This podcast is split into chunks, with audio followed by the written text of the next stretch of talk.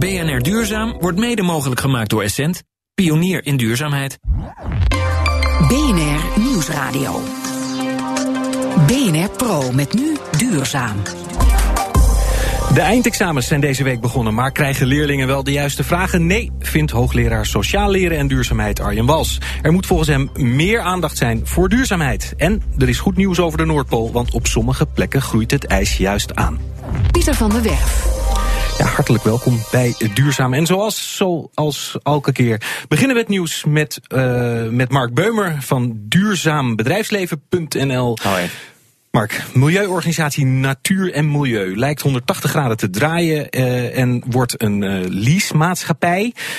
Um, hoe zit dat precies? Ja, dat klinkt wel opmerkelijk. Althans, een opmerkelijke stap voor een milieuorganisatie. Nou. Ze zijn in, in ieder geval als eerste milieuorganisatie uh, gaan zij leaseauto's aanbieden. Dat doen zij voor particuliere en kleine ondernemers, ZZP'ers. De grote crux is natuurlijk dat dit elektrische auto's zijn. Het zijn volledig elektrische Nissan Leafs, dus met minder CO2-uitstoot, minder fijnstof en minder lawaai. En waarom doen zij dit? Waarom begeeft een milieuorganisatie zich op dit terrein? Nou, kijk, je ziet dat voor zakelijke rijders er al best wel wat voordelen zijn om elektrisch te gaan rijden. Vooral via de bijtelling, die natuurlijk heel gunstig is voor hybrides en elektrische auto's. Voor particulieren geldt dat wat minder. Dus je ziet ook dat dat wat minder aantrekkelijk is om voor hun om elektrische, elektrisch te gaan rijden. Okay. Nou, en dat is wat Natuur en Milieu hiermee wil bereiken. Om ook elektrisch rijden voor ja, eigenlijk de, de particulier uh, toegankelijk te maken. Maar wat levert het op? Nou, ten eerste natuurlijk de, de milieu-impact milieuwinst. Wat Ja. ik zeg, minder fijnstof, minder Nou, kom maar, ja, ja, CO2-uitstoot. Ook als je hem met grijze stroom tankt, toch 40% CO2-winst. Help me even, grijze stroom. Grijze stroom, bijvoorbeeld kolen, gas, Ja. fossiel.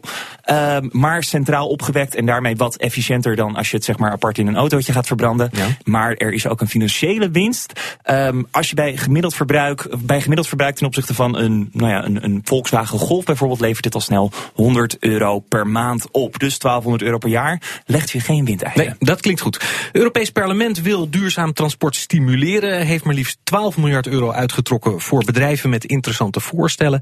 Uh, wat verstaat dat Europarlement nou precies onder duurzaam transport? Nou, ze hebben een aantal, uh, aantal voorbeelden in gedachten. Bijvoorbeeld elektrisch, uh, elektrisch rijden. Dus er moet een laadnetwerk komen wat Europees dekkend is. Schonere brandstoffen voor vrachttransport. Schepen varen nu op diesel, maar wat zijn nou eigenlijk schonere varianten daarop? Ook voorstellen om de verkeersdoorstroom te verbeteren, want dat levert ook een CO2-winst op. Ja, en hoe belangrijk is dat nou uh, precies, die, die winst? Ja, in die mobiliteitssector uh, zie je dat er eigenlijk vrij weinig gebeurt, omdat er vrij weinig ja, concrete haalbare voorstellen zijn. En toch uh, is de milieu-impact, de CO2-uitstoot van die mobiliteit 20% uh, op jaarbasis. Ja de moeilijkheid is het bijvoorbeeld, er is wel elektrisch rijden, maar dat is weer niet geschikt voor uh, zwaarder transport, voor vrachtwagens. Er zijn wel biobrandstoffen, maar die zijn ook omstreden. Met andere woorden, het is allemaal nog niet zo makkelijk om die transportsector, die mobiliteit te verduurzamen. Oké, okay, nou dan nog iets anders, want dat vond ik toch wel heel aardig. Uh, niet 50 tinten grijs of de laatste van Dan Brown uit de biep halen, maar een leuk zomerjurkje of een fleurig ja, topje. ja. Uh, binnenkort kunnen we kleding lenen bij de kledingbibliotheek in Utrecht. Ja, ja dit is wel een heel mooi initiatief. Uh, de, de initiatiefnemers zijn geïnspireerd geraakt door bedrijven zoals Snapcar, waarmee je je eigen auto kunt delen met, uh, met buurtbewoners, of uh, Airbnb, waarbij je je kamer kan verhuren.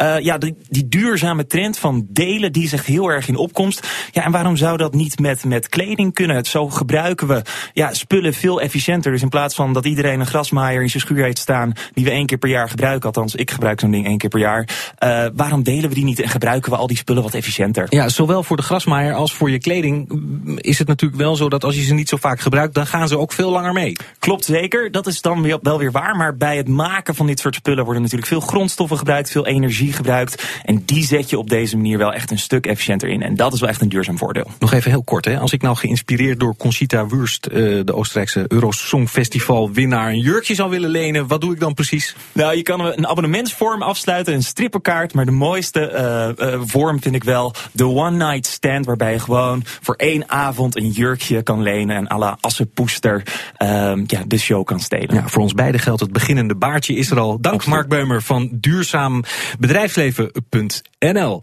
BNR Nieuwsradio. BNR Pro met nu duurzaam. Ja, terwijl de eindexamens vandaag zijn begonnen, is er ook kritiek op de inhoud. We examineren de leerlingen namelijk niet op de juiste onderwerpen, vindt Arjen Wals, hoogleraar sociaal leren en duurzaamheid aan de Wageningen Universiteit. Er moet meer aandacht komen voor duurzaamheid, vindt hij. En zijn onderzoek over uh, duurzaamheidseducatie staat in de nieuwe editie van Science. En Arjan Wals is bij mij te gast. Welkom. Waarom is het zo belangrijk dat er meer aandacht komt voor duurzaamheid in het onderwijs? Nou ja, duurzaamheid is een uh, actueel thema. Dit programma laat dat uh, al, al een tijden zien. Um, het zijn grote vraagstukken. Uh, we hebben het over klimaatverandering, we hebben het over biodiversiteit die verdwijnt, voedselzekerheid die afneemt. Dat zijn vaak vragen die je moeilijk vanuit één discipline kunt beschouwen. Die moet je vanuit meerdere perspectieven bekijken. En ons onderwijssysteem is nou eenmaal disciplinair opgezet. Hè. Onze wetenschappelijke vakken zoals uh, scheikunde, natuurkunde, ja. wiskunde, biologie, et cetera. Die, die examineren vooral hun vakinhouden. En daar zijn we ook heel goed in in Nederland.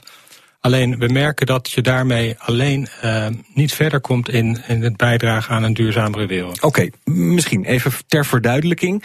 Uh, dit is een uh, heel verhaal, maar welke vragen krijgen leerlingen tijdens examens op dit moment nou niet, die ze volgens jou wel zouden moeten krijgen? Nou, kijk, het heeft ook te maken met het type examen wat we doen. Hè. De examens zoals die deze twee weken plaatsvinden, de eindexamens. Dat zijn vooral examens die gericht zijn op het testen van zeg maar, de cognitieve vermogens, het analytisch vermogen van leerlingen. Uh, en bepaalde zeg maar, denkvaardigheden um, en basiskennis. Uh, bij het oplossen van duurzaamheidsvraagstukken gaat het niet alleen maar om dat type vaardigheden. We moeten ook leren op onze scholen om om te gaan met complexiteit, met onzekerheid. Ja, moet het een apart vak worden? Nee, dat denk ik niet. Het gaat niet zozeer om nog een vak erbij. Het gaat niet om nog meer inhoud in het onderwijs stoppen. Het gaat wel om het anders organiseren van het onderwijs. Dat er meer ruimte komt voor het echt werken aan duurzaamheidsvraagstukken. Je had het net over 50 tinten grijs, hè, het boek van Dan Brown. Ja. Zo zijn er ook 50 tinten groen. Hè. Ja. Je hebt dingen uh, die zeg maar donkergroen zijn, omdat ze heel erg fundamenteel een andere manier van leven vragen. Maar je hebt ook dingen die veel minder diepgaand zijn en soms wat oppervlakkig zijn. Heb je nou op dit gebied dat je zegt van nou dat is een land, dat is voor mij echt een rolmodel, zo zouden we het moeten doen? Nou, we hebben uh, het onderzoek waarop het artikel gebaseerd is, is uh, komt eigenlijk uh, van een handboek waar we zelf met, de, met de andere drie auteurs aan gewerkt hebben, waarin uit ongeveer uit mijn hoofd 80 landen bijdragen zijn. Dus we hebben wel een beeld gekregen van in welke landen zijn ze nu verder met het integreren van vakken en het gebruiken van ook de directe schoolomgeving en de omgeving van de leerlingen, hè, waarin ze zelf zich bewegen. Um, waar ze zeg maar voorlopen en dan kom je op landen als Finland, waar ze, um, waar ze heel erg goed zijn in het benutten van de schoolomgeving als zeg maar het startpunt van het curriculum en het gebruiken van de vakinhouden bij het helpen oplossen van de vragen die in die omgeving opborrelen. Ja, ik ga toch proberen wat, uh, wat concreter uh, te maken. Bijvoorbeeld uh, vak als wiskunde. Ehm, laten, we, nou, laten we met wiskunde beginnen. Hoe verweef je daar dan duurzaamheid in? Nou ja, ehm, duurzaamheid heeft ook te maken met verdeling en met ongelijkheid. Um, je kunt uh, rekenen aan ongelijkheid. Het heeft te maken met risico's van klimaatverandering. Statistiek kun je daarbij gebruiken. Um, het grondstoffen die we nodig hebben voor ons mobiele telefoontje, die, die, die leggen grote afstanden af. Je zou kunnen gaan uitrekenen hoeveel kilometer leggen die grondstoffen af om in mijn mobieltje te komen. Dat geldt ook voor wat we eten. Hoeveel kilometer eet jij vandaag?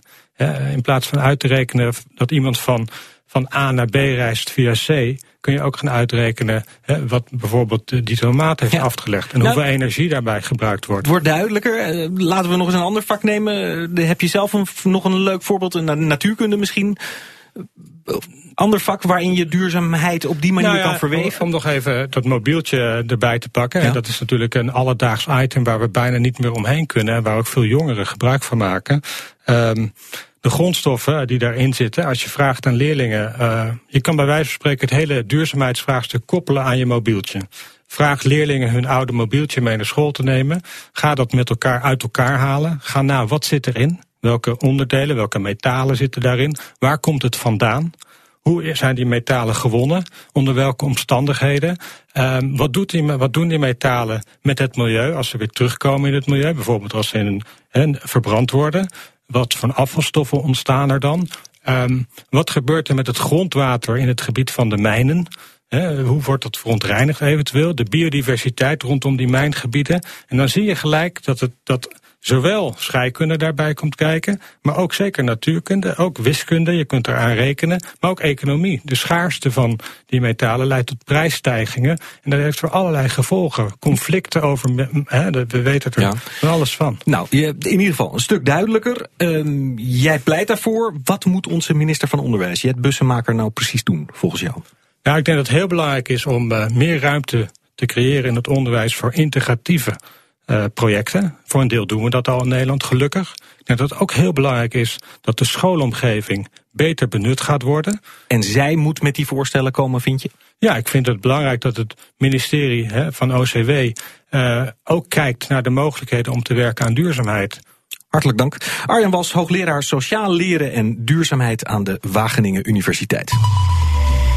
Gebeurt niet vaak dat een roker wordt beloond voor zijn gedrag. Maar in Hilversum hebben twee studenten een interactieve rookpaal ontwikkeld die dat wel degelijk doet. De FUMO. Licht en geluid moeten voorkomen dat rokers hun peukje nog op de grond gooien. Verslaggever Elvenie Toulaar stak er samen met FUMO-bedenker Mikael Pelifan eentje op. BNR Nieuwsradio. Verstand van zaken. Duurzaam. Ja, hartelijk welkom terug bij Duurzaam. En dan gaan we nu toch echt naar die roker. Want het gebeurt niet vaak dat een roker wordt beloond voor zijn gedrag. Maar in Hilversum hebben twee studenten een interactieve rookpaal ontwikkeld die dat wel degelijk doet. De FUMO, licht en geluid moeten voorkomen dat rokers hun peukje nog op de grond gooien. En verslaggever Elvenie Toulaar stak er samen met FUMO-bedenker Mikael Pelifan eentje op.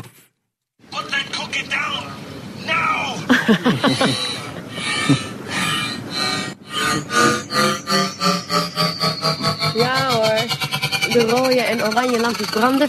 Op het moment dat er een uh, sigaret ingaat, dan uh, zit er een sensor in... Die uh, kijkt of er iets in is gegooid. En op het moment dat het dus gebeurt, gaat er een, een, een korte geluidsfragment afspelen. En 56 ledlampjes die gaan erop dansen. En de, de geluidjes zijn uh, gemaakt uh, door, een, door sounddesigners. En er zitten over de 50 uh, geluiddingen in voor de verrassing. Dus het is niet dat je elke keer hetzelfde krijgt. Maar de verrassing moet ook blijven. Raymond Rijns. Een van de ontwerpers van de interactieve rookpaal. Aangesloten op een een spoel met wat snoeren en de sleuteltjes steken er nog uit. Jullie staan hier op een parkeerplaats van de Hogeschool van de Kunsten in Utrecht, afdeling Hilversum. Het sigaretje is bijna op. Raymond, hoe kwamen jullie op het idee? We kwamen op het idee doordat we vorig jaar liepen wij op straat uh, hier in Hilversum. En wij zagen iemand die een blikje op, oppakte van de straat die niet van hem was.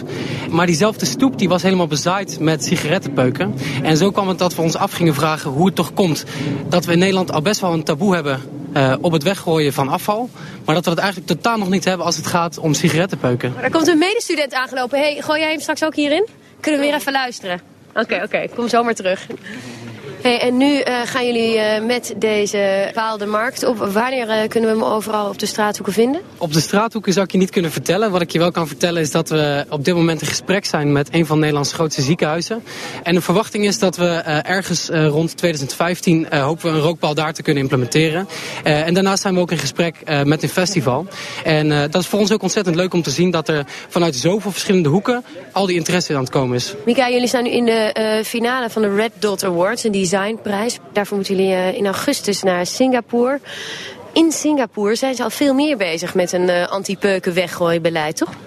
Ja, maar hun aanpak is vooral uh, het beboeten van uh, die mensen. Maar onze manier van aanpak is precies andersom. Uh, wat wil zeggen dus dat we er niet voor zijn mensen te beboeten... maar het belonen voor het goed gedrag wat ze vertonen. Want dat werkt beter, denken jullie? Dat werkt beter, ja. Dus vanuit Singapore wordt ook met argusogen gekeken... naar de ontwikkeling van deze, van deze paal? Ja, ja, we hebben niet alleen uh, uh, internationale pers gehad, maar ook voor, vooral ook in Azië aandacht gehad erop. Ja, gooi maar weg hoor. Hele... Ja, is leuk. Krijg je een mooie reactie. Gaat verder. Ja, uh, juist omdat het daar zo leeft. De hele kwestie van op, op straat gooien van afval, ja. ja. ja. Daarom veel aandacht gehad van ook blogs uit Azië. En dat zegt student en ondernemer Mika Pelifan... terwijl hij zo te horen zijn volgende peukje alweer weggooide... in een reportage van Elfanie Toulaar. BNR Nieuwsradio. BNR Pro met nu duurzaam. De Noordpool is niet overal zo kwetsbaar als gedacht. Het ijs is niet op alle plekken aan het wegsmelten. In sommige delen komt er juist meer ijs bij. Dat ontdekte Noordpoolonderzoeker Mark Cornelissen. Hij was de afgelopen maanden op expeditie op de Noordpool en heeft nu zijn onderzoek klaar en is hier bij mij in de studio. Hartelijk welkom. Dankjewel. Um, jij was uh, de afgelopen maanden in een gebied ten noorden van Groenland en Canada. Maar wat heb je daar precies onderzocht?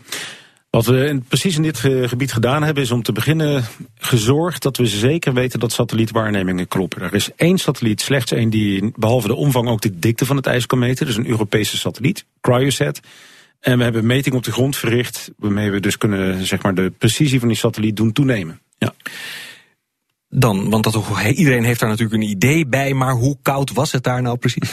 Eh, we hebben min 35 meegemaakt en dat is koud genoeg. Ja. Ik wou zeggen, halleluja, hoe hou je dat vol? Vragen we ook eens af. Nou, dat hangt erg van de nee, want even min 35, dat is gewoon serieus gevaarlijk, toch? Ja, ja, ja dat, dat zijn dingen waar we zeker rekening mee te houden hebben met dit soort operaties. Waarbij mensen, dus eh, moet je voorstellen, zes wetenschappers echt hard werken om binnen de beschikbare tijd die data te, te verzamelen. Dan is het makkelijk om even de focus te verliezen, omdat je in je onderzoek zit. Ja. Maar uh, het zijn de simpele dingen als goed slapen, goed eten, voldoende vocht goede kleding, maar elkaar ook in de gaten houden. Omdat het de eerste verschijnselen van, van letsel, zeg maar, die, ja, die zijn moeilijk waar te nemen. Je moet elkaar echt goed bekijken en even wijzen op bijvoorbeeld een klein plekje. Ja, is er zo'n moment geweest dat je even bij je collega dacht van uh, vriend, nou moet je echt even naar binnen? Nou, of uh, even die, even die bivakmuts over je neus trekken. Want je hebt een wit puntje op je neus, meerdere keren al. Want daar begint het mee, dat witte puntje is? Ja, het witte puntje is eigenlijk al dat er bijna geen bloed meer in je, in je huid zit, in je opperhuid. En dan, dan is dat het begin van wat lichte schade aan je huid. Dan, dan valt het nog niet af, maar dan is het begin. Ja. Nou, jij ontdekte dat de hoeveelheid ijs daar toeneemt. Um, hoe kan dat? Terwijl de temperaturen juist stijgen. Ja, nou, je moet, je moet het zo zien dat de gemiddelde temperatuurstijging op aarde, die, uh, die is er. Alleen wat er is gebeurd, bijvoorbeeld afgelopen winter is het extreem koud geweest in het gebied. Juist die warme lucht in Europa heeft de koude poollucht daar uh, vastgehouden. En dat heeft tot A, een enorme groei uh, geleid. Dus het, het groeit door doordat het zeg maar aanvriest. Maar er is nog een eh, factor in de groei. En dat is namelijk de manier waarop het ijs getransporteerd wordt. En, en zeg maar die wig waar wij zaten, dat stukje van van de grote ijszee, daar wordt het ijs als het ware tegenop geduwd. En dan gaat het zich stapelen en comprimeren en vervormen. En dat maakt dus dat daar heel, ja, heel dik ijs ontstaat. Maar dan moet je me toch even uitleggen, hè? want is het dan gewoon een kwestie van, nou, er schuift van ergens anders daar wat extra ijs naartoe. En ja, dus allicht is het dikker. Of is er meer aan de hand? Is het goed nieuws? Nou, het is in die zin goed nieuws. Kijk, uh, als je kijkt naar verschillende soorten van onderzoek, hè, dus wij kijken echt naar wat er ligt. Er zijn ook mensen die maken computermodellen. En die computermodellen lieten al zien dat waarschijnlijk dit gebied het gebied wordt wat ook op de langere termijn ijs houdt in de zomer. Want daar maakt iedereen zich zorgen over, de zomerzee-ijsbedekking. En in dat deel kun je nog wel verwachten dat het decennia lang doorgaat. Uh, en nogmaals, het heeft niet alleen met temperatuur te maken, ook met ijsstroming. Dus dat is ook wel een bevestiging van die aannames die je nu maakt op basis van modellen. Oké, en wat betekent dan die nieuwe inzichten voor de manier waarop we tegen de Noordpool en de ontwikkelingen daar aankijken? Ja, heel belangrijk. Wat het niet zegt, is dat er niets aan de hand is. Dus het is lokaal, regionaal goed nieuws. Dat neemt niet weg dat grote delen van de, van de Noordpool echt uh, veranderen en ijs verliezen. Met name zeg maar aan de Russische kant, waar ook wat activiteit is op dit moment. Daar zie je wel uh, veel ijs verdwijnen. Dit deel verandert iets op dit moment. En de vraag is een beetje, is dat een tijdelijke opleving? Heeft dat wel een structurele karakter? Daar liggen de onderzoeksvragen nu op. Ja, want dat is een van mijn vragen dan ook. Uh, het verschil met Rusland? Ik bedoel, die uh, aangroei van de hoeveelheid ijs komt niet dat er dan in Rusland misschien al iets meer uh, booractiviteiten zijn, toch? Of? Nee, die, die verhouden zich niet tot die nee, activiteit. Dus hoe, hoe komt dat? Nou, je moet je voorstellen dat zeg maar in dat Russisch deel van de Noordpool, daar heb je ook ijsbeweging, maar die leidt met name tot een soort afvoer. Daar gaat het door een hele grote zeestraat weg naar het zuiden en dan verdwijnt het. Bij ons is er ook wat meer aanvoer, maar dan blijft het liggen. Het wordt opgevangen door die kustgebieden. En uh, dat is ook de reden dat het zich daar kan, uh, kan opbouwen. Nou. Ja, we hebben het al even over dat boren gehad. Uh, nou zijn er uh, oliemaatschappijen uh, die in, in ieder geval in het Arktisch gebied gewoon al boren. Hoe zit dat ja. in het gebied waar jij bent geweest? Nou, in het gebied, uh, dat specifieke gebied, daar gebeurt helemaal niets op dit moment. En dat is ook eigenlijk ook helemaal niet mogelijk, omdat ah, ligt er heel veel ijs. En wat, wat nu ook blijkt, is dat zeg maar de jaarlijkse variaties nog heel sterk zijn. Dus het is totaal niet zinvol en veilig om in dit gebied te investeren. Want wat we nu meten, dat kan over vier jaar heel anders zijn. En dus die die onzekerheid die er ontstaat in die veranderingen die je nu ziet, hè, de toenemende grilligheid van, uh, van de ijsbeweging, nou, dat is met name een goede reden om daar ook weg te blijven. Nou wordt er op andere delen, wat we net zeiden, op de Noordpool druk geboord. Veel te doen geweest over de boringen bijvoorbeeld van Gazprom, eh, boven het noordwesten van Rusland. Olie eh, die een paar weken geleden onder protest van Greenpeace de Rotterdamse haven is binnengebracht. Ja. ja. wat zijn nou de risico's van die boringen? Hoe kijk jij er tegenaan? Nou, het begint al bij de boring zelf. Hè. Het verstoort hoe dan ook altijd uh, iets in het leefgebied. Het maakt herrie, daar kunnen walvissen last van hebben. Het grootste probleem is echter wel, stel nou dat dat in toeneemt, veel activiteit, dan, dan is het bijna een soort zekerheid. Dat, dat mag je gewoon aannemen, hè, dat dat gaat toenemen. Nou, dat, dat mag je aannemen, tenzij. Hè. Ik bedoel, er zijn een aantal, uh, misschien moeten we toch uh, toe naar echt gedragen normen over wanneer je wel of niet boort. Ja, ik onderbrak je. De, de risico's. De risico's, zijn, nog even op. de risico's zijn eigenlijk op het moment dat het misgaat en er lekt olie, dan kun je het gewoon niet opruimen. Tenminste niet voldoende. En, en je kan het simpel gezegd in de fik steken. Ja. Dat is een beetje het recept waar ze er nu mee komen. Sommige oliemaatschappijen zeggen nou dat is niet goed genoeg. We doen het dus niet om die reden. En een andere maatschappijen die zijn wat, wat, wat meer ja, eager en die, en die gaan er wel voor. Die vinden dat dus kennelijk een acceptabel risico. Aan de andere kant kan je ook zeggen van oké, okay, kan je landen of maatschappijen ontzeggen dat ze daar gewoon, ja, daar gaat het toch om 30, 40 miljard, die daar misschien wel per, per grote bron wel onder de grond te vinden is. Ja. Dat is natuurlijk ook wel een heleboel. Moeten we ons niet dan richten om dat misschien wel te ontginnen, maar dan volgens regels en allerlei controles waarvan jij zegt: oké, dan is het acceptabel? Nou, als uh, dat pad op zou gaan, stel dat je zegt van een, uh, het kan onder voorwaarden, dan nog ben je daar nu niet. Hè, dus laten we in ieder geval vaststellen dat we nu op dit moment daar met de uh, handen vanaf moeten blijven. Ik denk dat het een hele goede, goed standpunt is op dit moment. Uh, en nogmaals, die techniek moet zich nog ontwikkelen. De, uh, de grootste redding zeg maar, voor het Noordpoolgebied zou zijn dat er echte alternatieven ontstaan voor deze brandstoffen. Waardoor de behoefte afneemt of de, of de prijs niet hoog genoeg is. Waardoor de, zeg maar, de business case onder die olie hier wegvalt. En, en dat we bedrijven dus ook dan maar, als ze zoveel vertrouwen hebben in hun activiteiten, aansprakelijk kunnen houden. Voor echt aansprakelijk kunnen houden voor de schade die ze mogelijk aanrichten. Ik denk dat dan het economische risico groot wordt. En daarnaast blijkt ook wel dat door de publieke druk, dat bedrijven ook wel gaan kijken de risico's van zeg maar, uh, het, ja, de, de merkschade die je loopt door dit soort dingen te doen. Hartelijk dank. Noordpoolonderzoeker Mark Cornelissen. Ja, dit was BNR Duurzaam. Op de radio in ieder geval. Want uh, we zijn er natuurlijk 24 uur per dag op bnr.nl slash duurzaam. Ik noem ook nog eventjes ons e-mailadres duurzaam.bnr.nl. We zijn ook te vinden op Twitter. Ik ben Pieter van der Werf. Volgende week is ongetwijfeld weer Mr. Duurzaam Mark Beeshuis weer terug. Dank voor het luisteren. Blijf dat vooral doen en een hele fijne dag verder. Wil je BNR Duurzaam beluisteren wanneer het jou uitkomt? Download dan de BNR-app. Want daarin recyclen we al onze programma's. BNR Duurzaam wordt mede mogelijk gemaakt door Essent, pionier in duurzaamheid.